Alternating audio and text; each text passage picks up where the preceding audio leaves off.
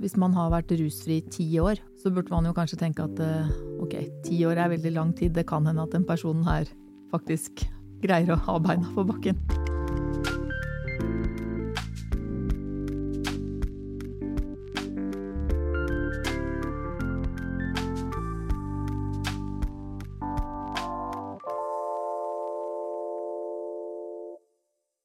Da ønsker vi velkommen til nok en episode av Fotopodden. Kjære ørevenner, kjære seere.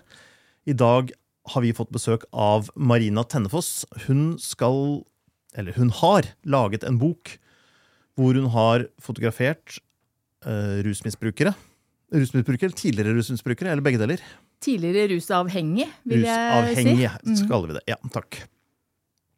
Og dette er jo ganske alvorlig tema. Det er jo ganske mange livsskjebner man kommer i kontakt med i forbindelse med det, så det er jo mye mer historie her enn bare selve bildene går ut ifra. Først velkommen, Marina. Tusen takk. Tusen takk for at du tok deg tida til å komme til oss. Hva, hva er bakgrunnen for dette prosjektet? Hva fikk deg til å begynne med det? Uh, jeg har uh, i mange år vært uh, elev hos Morten Krogvold. Da har jeg lært at det er lurt å gå til kilden, altså det som er her inne. Eh, det har jeg gjort i mange, mange år. Og så har jeg en bakgrunn som eh, tidligere rusavhengig når jeg var eh, Fra jeg var 14 til jeg var 17. En sånn lynkarriere, som jeg kaller det. Og det er på en måte et helt liv siden, så man glemmer det litt. Og så kom jeg over en eh, side på Facebook hvor eh, det var ei som jeg kjente før, som hadde lagt ut bilder og sånn om alle som hadde dødd i rus, eller i rusrelaterte ting, da. Eh, og når jeg innså at jeg kjente sikkert 60-70% av de, så fikk jeg helt Altså, det, jeg tenkte her er jo faktisk ikke mulig. Så mye folk. Og så tenkte jeg at jeg må jo fotografere de som er igjen. Må, nå må jeg gå og liksom begynne å grave inn i, i, stoffet. Og det satt veldig langt inne, for jeg hadde ikke noe lyst til å gå inn i rusmiljøet og begynne å fotografere de menneskene som fortsatt ruste seg. Og være en del av det. For, for det første så syns jeg det er veldig stigmatiserende og veldig lite respektfullt å gå inn og fotografere mennesker i, i en så vanskelig situasjon, som kanskje hadde sagt ja og syntes det vært greit, men det er ikke sikker på om de er helt sikker på hva de hadde vært med på. Også for min egen del, for at jeg ikke syns det hadde vært uh, noe bra sted for meg å være, da. Og da tok det litt tid, og så kom jeg på ideen at jeg kan jo faktisk fotografere de som har greid seg. For det må det jo finnes en del av. Og da tok jeg kontakt med hun ene som er avbilda i boka, som jeg hadde jeg ikke snakka med på 30 år. Spurte om hun hadde lyst til å være med på det. Og hun bare ja, ja, det har jeg kjempelyst til.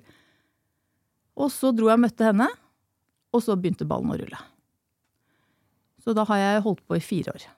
Mm. Mm. Hvor mange har du portrettert, da? Jeg tror det er 50, mellom 50 og 55. Er ikke du har gått ganske i dybden ja. på hver. Ja. Hvordan hvordan angriper du en sånn situasjon? Hvilke etiske vurderinger har du gjort på forhånd, For eksempel, av hva som kan avbildes, og hva som kan sies, og hva som bør hva, ja. Jeg hadde ikke noe klar uh, visjon om det, egentlig, annet enn at jeg hadde lyst til å uh, løfte dem fram, da, på en mm. måte. Som, uh, som sånn type superhelter, eller hva jeg skal kalle det, er det å komme seg ut av et rushelvete, det er en bragd som uh, er helt ekstremt stor. Så for meg så er det jo superhelter. Mm. Uh, det, det, var liksom tanken det begynte med. Og så kjente jeg at jeg hadde behov for at de skulle få lov til å være med på å bestemme litt på uttrykket. Og at jeg ville gjerne liksom finne ut hvem er du, før jeg begynte å fotografere. For jeg kjente jo på langt nær alle som er med i boka. Eller av de jeg har fotografert. Eh, så da begynte vi å prate sammen og litt sånn eh, Kjente litt på personen, da. Hva de var opptatt av, og uh, Noen er jo veldig spirituelle, andre er eh, jordnære, bare trening som gjelder, eller Så begynte jeg å plukke litt ut fra det, og så har jeg intervjua veldig mange av dem, eller ikke intervjua, jeg har hatt en samtale med dem som jeg har tatt opp. Eh, Og den kan ha vart fra liksom 30 minutter til fire timer. Mm. Uh, og så har jeg brukt ting som har blitt sagt i disse samtalene etterpå, til å hente ut sitater og bildetekster og uh, sånne ting. For jeg ønska ikke å, at, en, at det var en knagg 'dette har du sagt', eller 'dette her er deg', eller mm. sånn. Det ville at det skulle være mer sånn generelt, da. Ja, nettopp. Mm. Hvordan får du fram disse personene, deres personlighet, deres kamp og deres seire, og deres nederlag, for den saks skyld, i et sånt portrett? Nå veit man jo sjøl hvordan det er å stå foran kamera. Det er vanskelig. Mm. Man blir jo veldig bundet. Så jeg har jo brukt, bruker jo mye tid på å snakke med dem i forkant, sånn at de blir veldig trygge på meg. Og øh, at jeg vil aldri liksom dele et bilde eller gjøre noe som de ikke er komfortabel med, eller øh, hvor de ikke ser bra ut, eller ja. Mm. Uh, Forsikra dem om det. Og så har jeg fortsatt samtalen mens vi har fotografert. Sånn at jeg har på en måte greid å fange de i det nakne øyeblikket. Hvor de, ja, det De aller fleste, i hvert fall. Mm. For du har ikke én intervjusetting og én fotosetting. Det er smelta sammen til Ja. ens. Ja. Jeg har kanskje en samtale først, og så fortsetter den under fotograferingen. Liksom. Mm. Det er jo mange tragiske skjebner der. Altså selvfølgelig, Hvis de har kommet over det, så er jo det en enorm seier. Men det ligger jo mye traumer bak. Veldig mange rusmisbrukere begynner med rus fordi de har det forferdelig vondt med seg sjøl og med verden. Er det fellestrekk her? Altså, jeg, jeg, vet, jeg vet ikke så veldig mye om dette her nå. Det er mange år siden jeg har vært in- involvert i noe rusting, men jeg jobbet en sommer med å, å skaffe penger til, noe, til rusmisbrukere og avvenningssentre, og mye av reaksjonen jeg fikk fra folk der ute, var 'jeg håper du bruker det på en kule'. Ja. Hvor mye stigma er det rundt sånn? Hvor, hva, har du møtt reaksjoner fra folk der ute som ja, men herregud, hvorfor bruker du tid på disse folka? Mm. Det har jeg faktisk. Og det, det er jo noe av grunnen til at jeg har gjort det prosjektet her. Og at, jeg, at det har blitt viktigere og viktigere for meg å gjennomføre det. Det er jo fordi at uh, det er så mye stigmatisering og så mye sånn eh, man, kan, altså man, man respekterer ikke mennesket som et menneske. Liksom. Man, det, er, det er det du har gjort som har vært viktig. Jeg kan skjønne det til en viss grad. Jeg kan forstå liksom, eh, at man kan være redd for det, eller sånn, men da tenker jeg at som voksne mennesker så må man liksom ta seg sammen og greie å se hvordan verden er. Det er veldig mye stigmatisering. De får jo ikke jobb. De, uh, hun ene som er inne i boka nå, akkurat på vei til å flytte, og får jo ikke ny leilighet. Ikke sant? Det er sånn For det er jo mange av disse skjebnene her som ikke Som man ikke, kanskje ikke vil kalle sånn vellykka liv, da. Sånn som vi eh, tenker på det. Mm. Og det er mye fordommer. Og redsel, vil jeg tro, kanskje. Ja, og det er jo Altså, skal du leie ut en leilighet i valget mellom en rusavhengig og en ikke-rusavhengig, mm. så vil man jo i 11 av 10 tilfeller velge den ikke-rusavhengige. For man vet ikke hva den rusavhengige gjør, og av og til tenker man den rusavhengige selv vet ikke hva den gjør, eller hva skjer med leiligheten, osv. Så, videre. så det er jo en usikkerhet rundt det. Det er jo det. Og når det er ting av stor verdi, så skjønner jeg jo også at man velger dem bort i sånne situasjoner. Men det gjør jo ikke livet deres noe lettere, selvfølgelig. Nei. Nei, og jeg òg forstår det. Jeg eh, hadde et foredrag i Bergen, eller ikke et foredrag, en åpning av utstilling, hvor jeg snakka en del om det her. Og det er jo eh, Jeg òg har disse fordommene. Mm. Jeg må ta meg i det, liksom. At, vet hva, eh, så jeg tror vi alle bærer med oss, da, men jeg tror det er viktig å eh, være bevisst på det. For hvis du er bevisst på det, så kan du gjøre noe med det. Mm. Ikke sant? Da kan du tenke deg om to ganger. Og det er ikke sikkert du kommer ut og mener noe annet, men du har i hvert fall tenkt på det. Mm. Og det tror jeg er eh, lurt. Bevisstgjøring på hva er det som er så folk er folk for meg, da. Mm. Eh, Ja, en ting er å ha omsorg for mennesker, en annen ting er å overlate det mest verdifulle du har, en utleiebolig, i deres varetekt. Det er jo en helt annet nivå av, av tillit å vise. Det er det. Eh, Så, så det er jo nivåer her, men det er et stykke fra å gi dem en kule til Det er ganske langt derfra. Men kan du si noe om hvordan disse menneskene ser på verden, eksempel? Altså, de må jo møte verden på en, ja, som et grusomt sted. Blant annet av reaksjonene fra folk der ute. Men jeg tror jo at de aller fleste av disse menneskene i denne boka er sånn, de har et uh, grunnlag fra barndom og oppvekst som gjør at de har jo rett til å være sint på verden. Mm. Ikke sant? Eh, og da er de jo det. Mm. Eh, mange av dem greier jo det, det tror jeg er litt sånn uansett hva man sliter med, om det er rus eller om det er andre ting, at, man, eh, at det er lett å plassere skylda ut på andre steder. Og det gjør jo selvfølgelig disse her òg, men de får jo en eh, ekstra belastning, da. Med at eh, mange av dem ser jo ut som rusavhengig. Mm. Uh, og det sliter de jo Og med. noen høres sikkert ut som rusavhengige. Ja, Mm. og så har man jo Hvis du skal gå og søke en jobb, og så har du uh, 20 år hull i CV-en, Mm. da lurer man jo på hva som er grunnen til det, selvfølgelig. Så sånne ting gjør jo at eh, de blir jo sint på verden. Og så er de jo og mange av dem inne i dette Nav-systemet som kanskje ikke er så lett, da. Det vet jeg ikke så mye om, men eh, det er mye sinne og fortvilelse eh, hos en del av dem. Og hos eh, en annen del veldig mye varme og omsorg for andre. Men de har gjerne fått bearbeida sine ting godt, da. Mm. Mm. Er det noe forskjell som du ser på de som har kommet seg ut av det, og de som ikke kommer seg ut av det? Enten i personlig holdning eller bakgrunn, eller hvordan de er blitt møtt av systemet, eller Hvorfor de ikke kommer Ja, seg ut av det. Hvorfor noen kommer seg ut, og andre ikke kommer seg ut? Hva er det som skiller? Det er vanskelig å svare på, men jeg tror Jeg kan jo bare snakke for meg sjøl. Mm. Og øh, jeg hadde nok øh, ikke kommet meg ut på begge beina hvis ikke min mor og far hadde tatt kontakt med barnevernet og sagt at nå greier ikke vi mer. Mm. Dere må ta over. Hun må ha hjelp. Ja. Og da var jo jeg tre år på Fossum-kollektivet i Spydberg på tvang. Ja, nettopp. Mm. Det var såpass langt nede. Ja.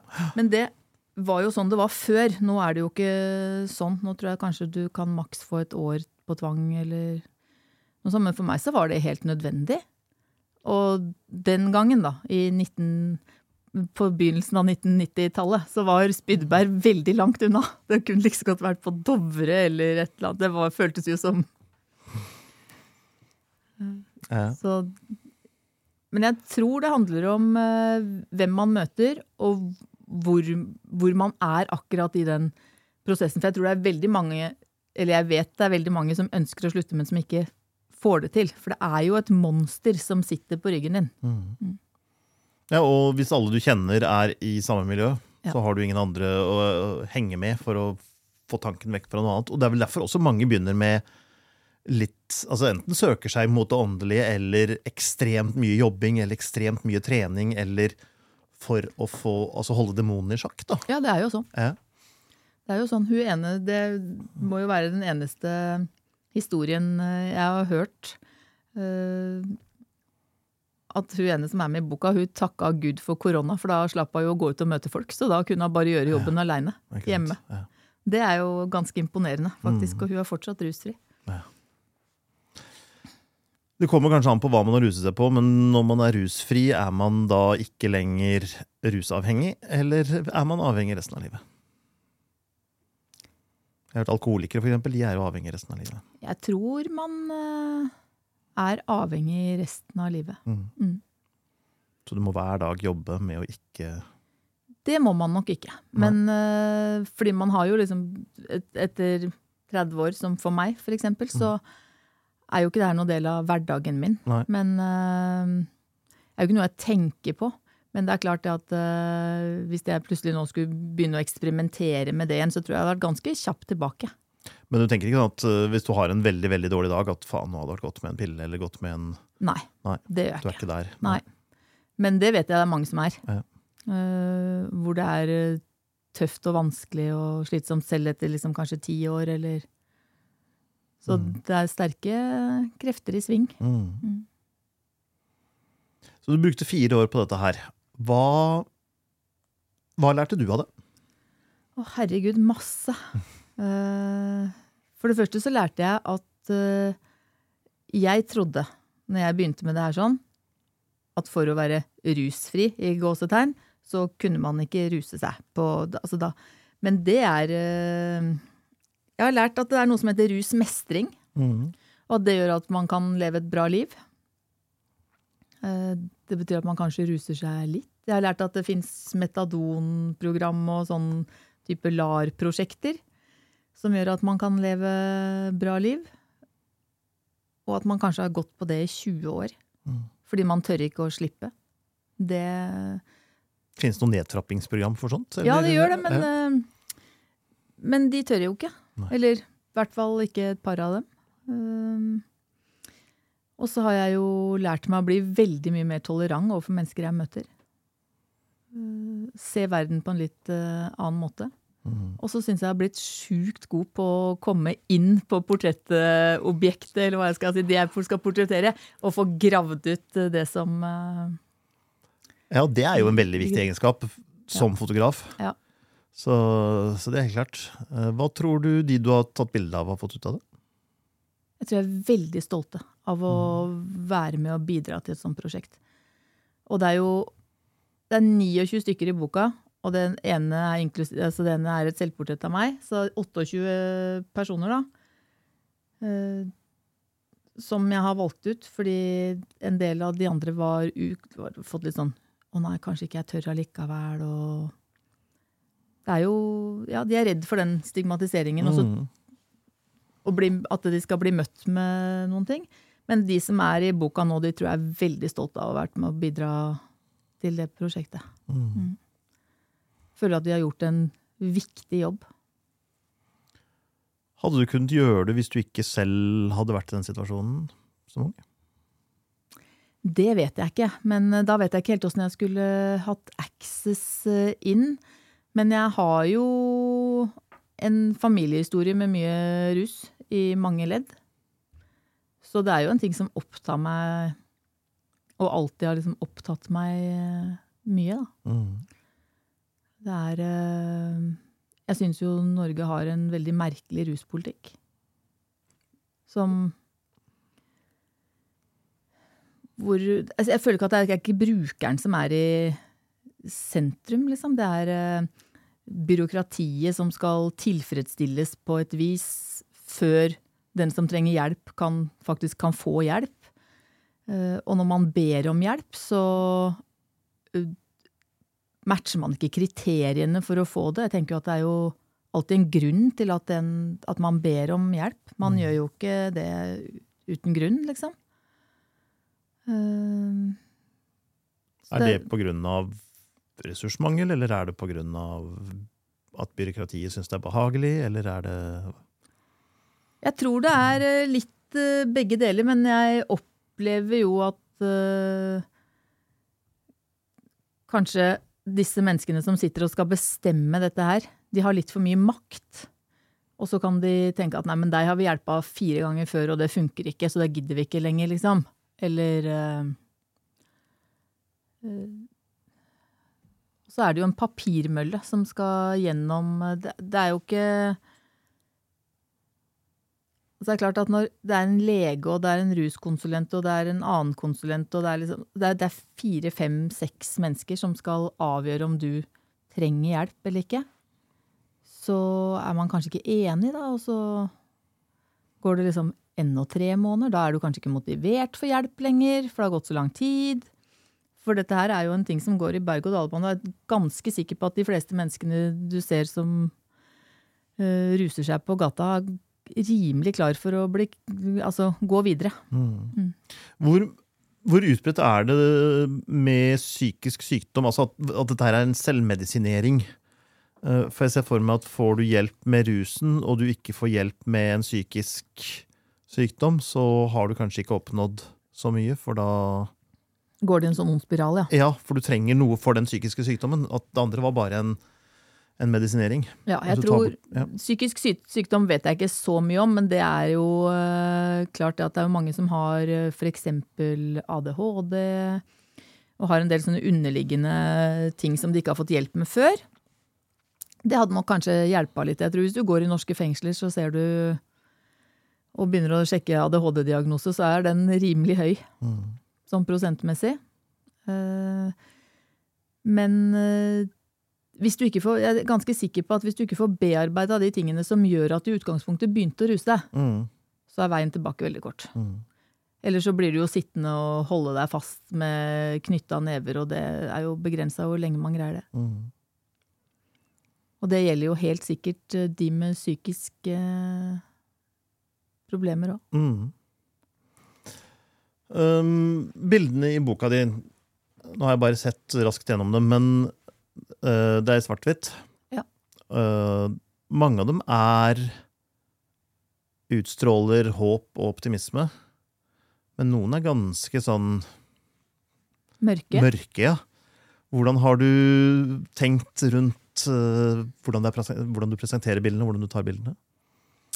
De mørke bildene, de kommer nok eh, litt ut fra meg. Altså, jeg er en eh, Jeg liker det litt mørke og dystre og sånn, så det kan jo hende at hvis vi har kommet inn på en sånn eh, litt mørk vei når vi har prata sammen, så har det blitt blitt det.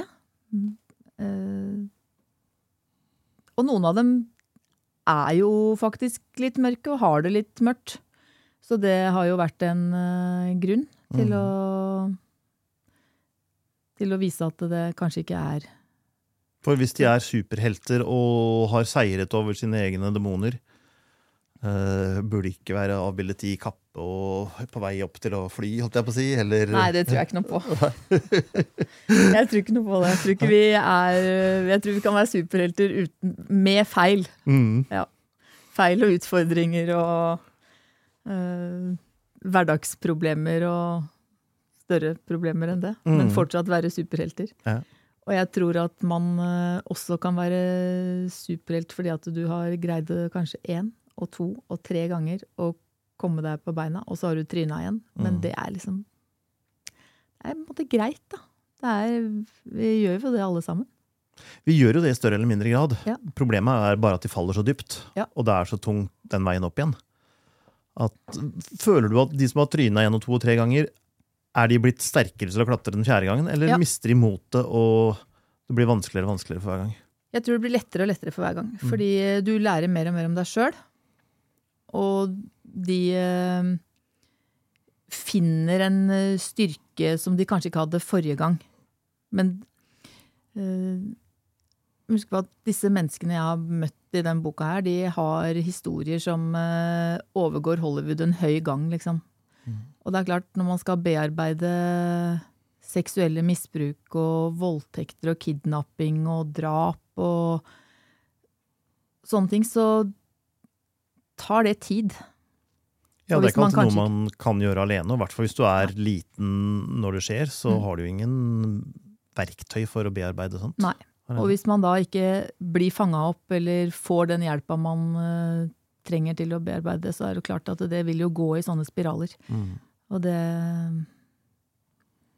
Det er jo helt avgjørende å få det opp på bordet og kunne gå gjennom en prosess hvor Jeg vil jo alt tro at det blir jo aldri borte, det er jo ikke det jeg mener. Men eh, at man kan leve med det på et vis. da. Mm.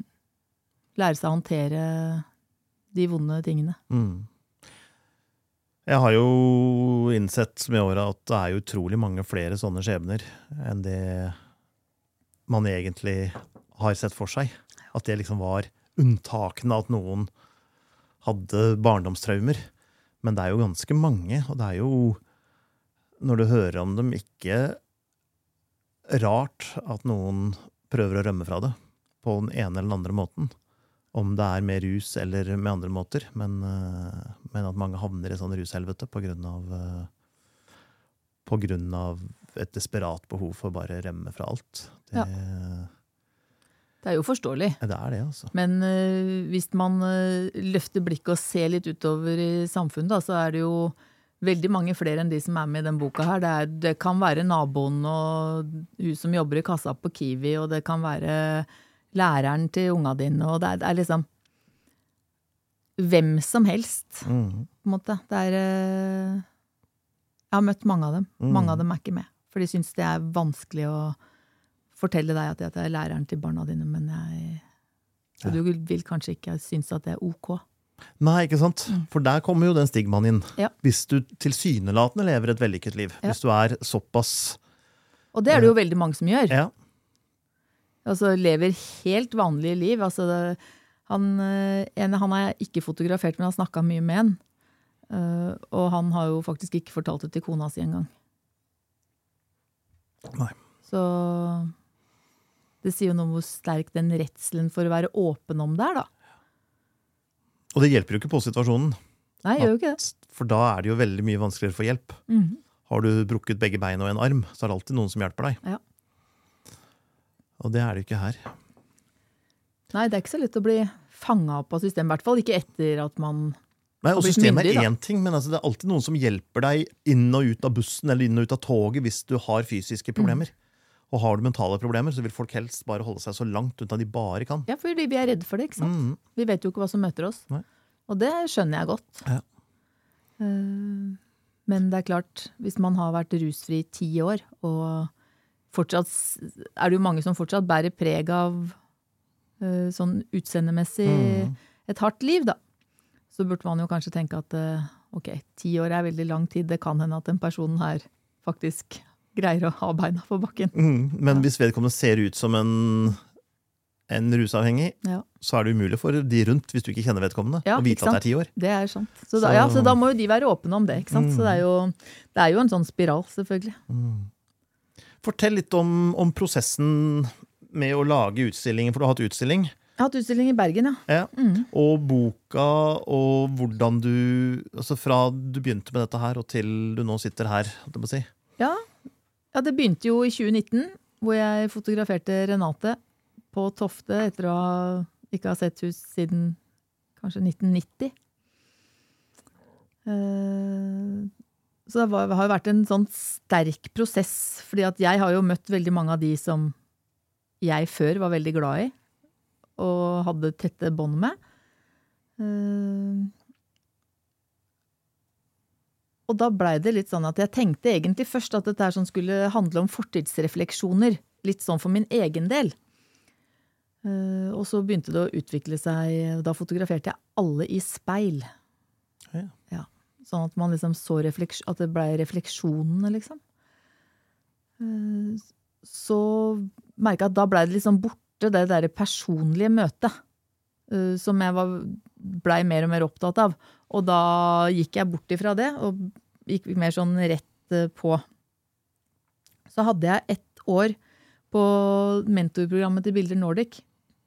For jeg tenkte hvis ikke jeg, jeg må sette av tid til å jobbe med det, eller så blir det ikke gjort da i annen, all annen fotografering og alt som skjer, så da må jeg gi det tid. Og det var veldig, veldig nyttig. Da fikk jeg eh, masse ideer og innspill fra disse andre som gikk sammen med meg, og fra veilederne og sånn, som gjorde at jeg kunne greie å utvikle et bildeuttrykk med disse menneskene, og dra natur inn. Eh, For det har vært eh, viktig for meg. Jeg tenkte at hvis du skal møte 29 stykker bare sånn face, face, face, face, så blir du sliten. Mhm.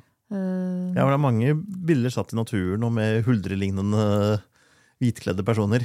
Ja. Sånn. Og at, man, eh, at det er helt rene naturbilder, og bilder som er helt rolige. altså sånn Bilder av hav og mm. skog og Ja. For å kunne bygge en historie, på en måte, da. Ja. Hvor disse menneskene kan få lov til å hvile litt, liksom. Mhm.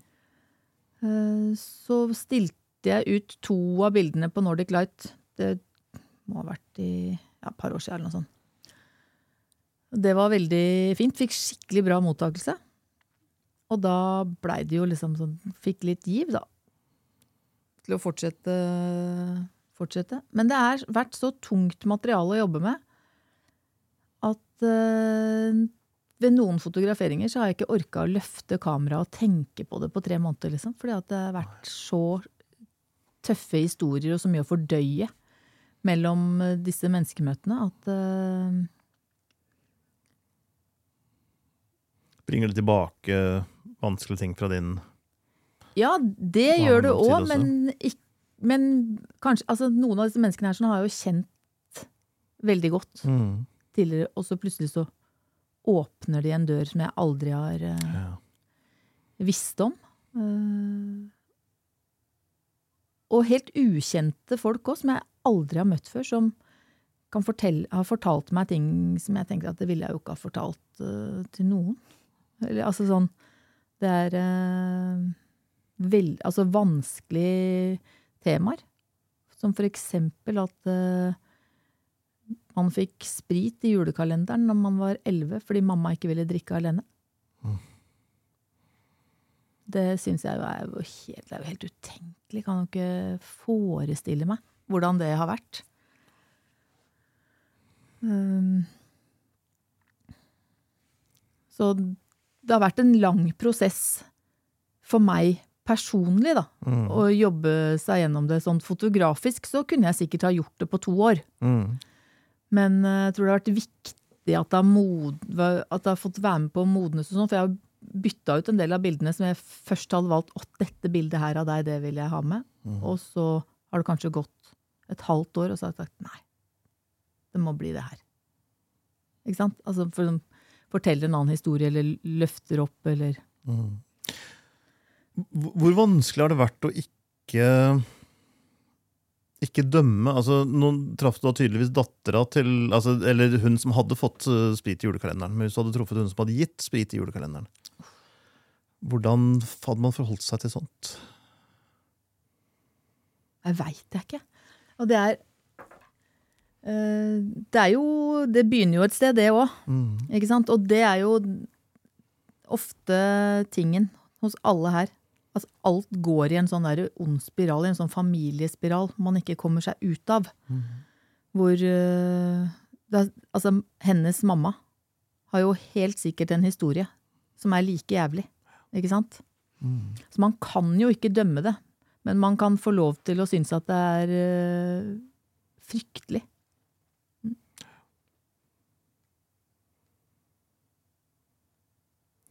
Er dette et ferdig prosjekt, eller er det noe du jobber videre med?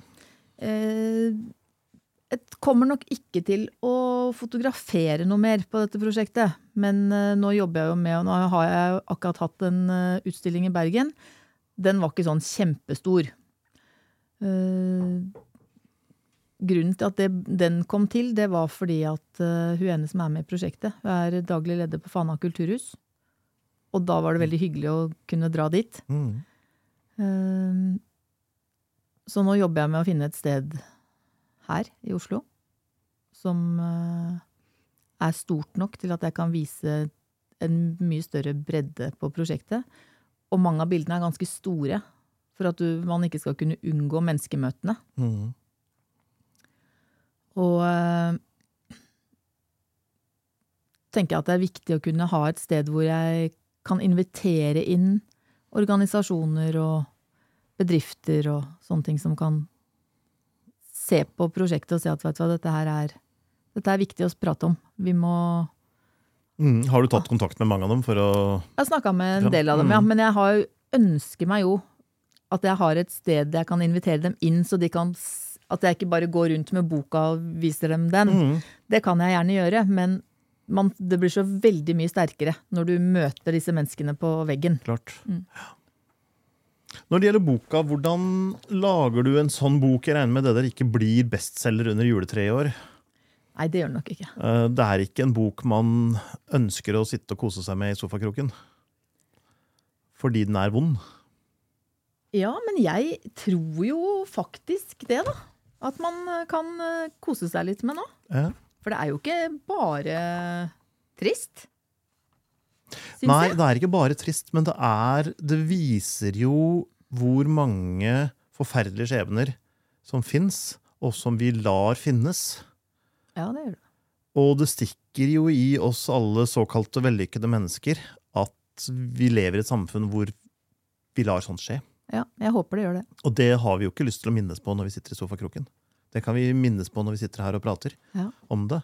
Og det er veldig viktig å prate om det, men det er ikke det jeg tar med meg opp i sofakroken i romjula. Altså. Nei, det, jeg, det, jeg tror ikke det blir en bestsel, julebestselger. Det tror jeg ikke. Bortsett fra at jeg faktisk har uh, solgt den til noen bedrifter allerede som julegave. Så det er veldig Ja, ok. fint. Ja, det er bra. Eh, Da tenker jeg bedrifter som er veldig flinke til å ta sitt samfunnsansvar Mm, på alvor. Ja, det er bra. mm.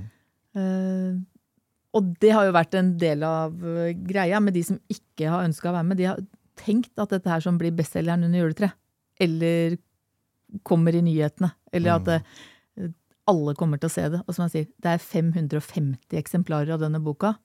Hvor mange mennesker bor vi i Norge? Mm, det er det er liksom Sjansen for det er veldig liten. Mm. Og de som da eventuelt vil se det som du kjenner, de kjenner deg likevel. Ja. Um, Men jeg skjønner jo hvis man er lærer på en skole, at Det man ikke vil eh, For da får du problemer med både foreldre og med ledelsen og alt. Ja. Men uh, det er jo, som du så, mange som er med uten at du ser hvem de er. Mm. Men uh, prosessen med å lage bok er jo For dette må du ha finansiert selv. Det er ikke noe forlag som sier 'å, den vil vi veldig gjerne trykke opp'? Nei, den er finansiert selv. Ja. Uh, å lage bok, det hadde jeg aldri gjort før. Så det ante jeg jo ingenting om. Det Så når jeg da sendte inn bildene mine til prøvetrykk, så sa han nei, nei, må ha dem i sånn og sånt format, og jeg skjønte ingenting. Jeg ante ikke hva han prata om. Uh, og jeg trodde jeg visste ganske mye om liksom, trykkeprosesser og sånn. Ikke blei bildene fine, og ikke, så til slutt så kjente jeg at nei, nå gir jeg opp. Veit ikke helt uh, jeg skal komme i mål med det her. Og så, eh, i sommer, så fikk jeg en melding av eh, kan jeg si, en fotografkollega som akkurat hadde lagd bok. Og så sa han du må snakke med Arne. Det må jeg. Han veit hva som skal til. Ja. Og da gjorde jeg det. Mm. Så hadde jeg et møte med Arne, og så sier jeg nei, den trenger kanskje være ferdig før jul en gang. Og så sendte han meg og sier han, skal ikke du utstilling i Bergen? Jo. Ja, men da må jo boka med. Å, jeg må, å, må det, ja. Mm. ja. Ja, nei, da Ja, da blir den ferdig til det. så da blei det en prosess som uh, Svopp, sa det. Så var det Ja. Liksom Da, da Det er nok ikke så veldig lenge hvis du har alle bildene klare, og du bare må av gårde i riktig format og riktig det ene og riktig det andre. Nei, og så er det veldig mye korrekturer, altså. Ja. Herregud, og så ser du det, så skal det flyttes litt på sånn, og så vil du ikke ha den der, og så er det Nei, den skriften der var ikke fin, og så må vi flytte den dit. Så, det, det tar lang tid. Ja. Uh, mye jobb. Veldig gøy. Så det har vært uh... Hvis Arne får ut fingeren og får sendt den opp til eh, bokanmelderen vår, så kommer det en anmeldelse av den også på, på foto.no. Ja, det er hyggelig. Mm. Ja, jeg, han, har, han har sagt han skal gjøre det. Jeg har gitt han adressa, så, Ja. men jeg snakket med anmelderen i, i går, og da hadde han ikke fått den ennå. Men eh, Nei. den kommer nok. Ja, den gjør nok det. Nei, så jeg veldig, det som er deilig, er jo å ha fått dette prosjektet mellom to permer. Det Mm. blir litt sånn punktum for den lange prosessen. Ja. Og så er det jo sånn at når man uh, gjør en sånn ting som det her, så har man mange runder hvor man tviler på seg sjæl. er det her bra nok? Er det noe viktig? Er det noen som vil se det? Det, hvorfor gjør jeg egentlig det her? Er det bare for å plage meg sjøl? Og de menneskene jeg fotograferer? Eller uh, Altså, er det noe vits i det hele tatt? Den, det der har jeg vært veldig mange ganger, og særlig siste halvåret da han har begynt med denne boka. Da kjente jeg at det blei eh, svett opp og ned. Men når utstillingen er oppe, og du har boka i hånda, føles det tomt? Føles det Oi, hva nå? Nå har jeg kanskje begått det viktigste prosjektet i mitt liv. Hva skal jeg gjøre nå? Jeg Eller er du så full av ideer vet, og ting at jeg du vet hva jeg skal gjøre nå. Du vet hva du Og skal gjøre. jeg tror ikke det her er det viktigste prosjektet jeg kommer til å gjøre i mitt liv. Nei, Nei. da får du komme tilbake når du vil snakke om Mm. det neste. Ja. Det håper jeg tar eh, Ikke tar fire år, men eh, Det er ikke Ja. noe du kan eller vil snakke om nå, kanskje? det, er, det er innenfor samme tematikken, Mm. men uh, bare, det tar bare en annen retning. Ja. Mm. Så det har ikke noe med rusmisbruk eller rusavhengig å gjøre. Det har kanskje noe med barna deres å gjøre. Det, jeg får se. Jeg vet Mm. jeg er ikke helt uh, knadd den uh, deigen helt uh, Nok et prosjekt hvor du vil utsette deg sjøl for mye smerte og vonde dager og vakre mennesker og Ja, jeg tenker at det er viktig. Det er Ja. viktig at noen uh, har lyst til å vise det på en annen måte enn uh, en, uh, sånn som vi har sett det til nå, da. Mm. Det er det absolutt. Og så syns jeg jo det er veldig spesielt at Norge, som da skal være verdens beste land å bo i, er det landet i verden som er dømt flest ganger i Strasbourg for barnevernssaker, f.eks. Mm. Det, det kjenner jeg engasjerer meg. Mm. Så det har jeg lyst til å se litt nærmere på. Mm. Mm. Det blir veldig spennende. Er det noe vi ikke har snakket om, som du har lyst til å bringe på bane?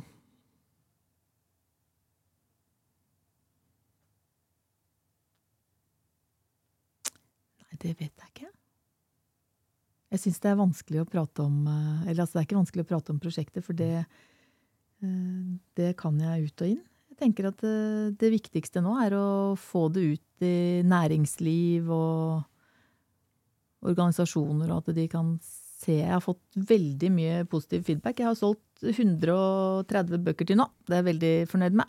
Er det noe sted man kan få kjøpt den? Så langt har jeg ikke rukket å komme, faktisk. Nei. For det har gått i 100 siden boka kom ut. Og det er fint, det. Eh, Men jeg satser på at jeg skal få den inn på en sånn nettbokhandel hvor man Nå husker jeg ikke nettadressen på det, men sånn der hvor alle bokhandlere har sine bøker. Og Tronsmo og sånn. Dere har jo slutta med fotobøker. Dessverre, så Mm. var det Det hopte seg opp. Ja, det så gjør det jo ble ofte det. vanskelig. Ja. Men vi skulle veldig gjerne tatt den, og veldig gjerne ha solgt den her. Men uh, Ja. det er i trange tider som nå, så er det dessverre ikke Nei, det er sånn det er. Ja. Så er eh, ellers så får man jo kjøpt den hos meg, da, selvfølgelig. Mm. Mhm. Og nettsiden din kan vi jo legge lenke til Ja. her og der. Ja. Ja, nei, men Veldig veldig flott at du kunne komme, Marina. Eh, Jeg syns det er et veldig viktig prosjekt. Det dreier seg jo om mye mer enn rusavhengige. Det dreier seg jo om holdningen vi har til andre mennesker. Mm. Eh, Til om å ikke dømme andre mennesker. Om å gi mennesker som trenger en hjelpende hånd, en hjelpende hånd. Om det så både blir én og to og tre og fire ganger. Ja. Og at det må være lov å gå på trynet. Ja, og så vise litt empati og litt varme i samfunnet, tenker jeg. Da Mm. kommer vi langt. Mm. Hvis vi gidder å løfte nesa litt fra oss sjøl og få et litt større overblikk over Mm. livet, liksom. For det er jo, selv om man ikke kan se det, så er det mange der ute som eh, trenger hjelp. Mm. Kan jo være fruen som ser flott ut av det, Og kanskje verdsette det man har. Ja. Mm. ikke sant? Se på at vet du, vi, vi har det faktisk ikke så verst. Mm. Det er alltid noen som har det verre enn deg. Og da kan man kanskje hjelpe til litt, da, når Mm. man, har det, man har overskudd til det, da. Ja. Og har man ikke det, så kan det være en trøst. Ikke sant? Jeg syns det var gode ord, jeg. Da tror jeg vi sier tusen takk til deg, tusen takk til alle som så på og alle som hørte på, og vi ses igjen om en uke. Takk for meg.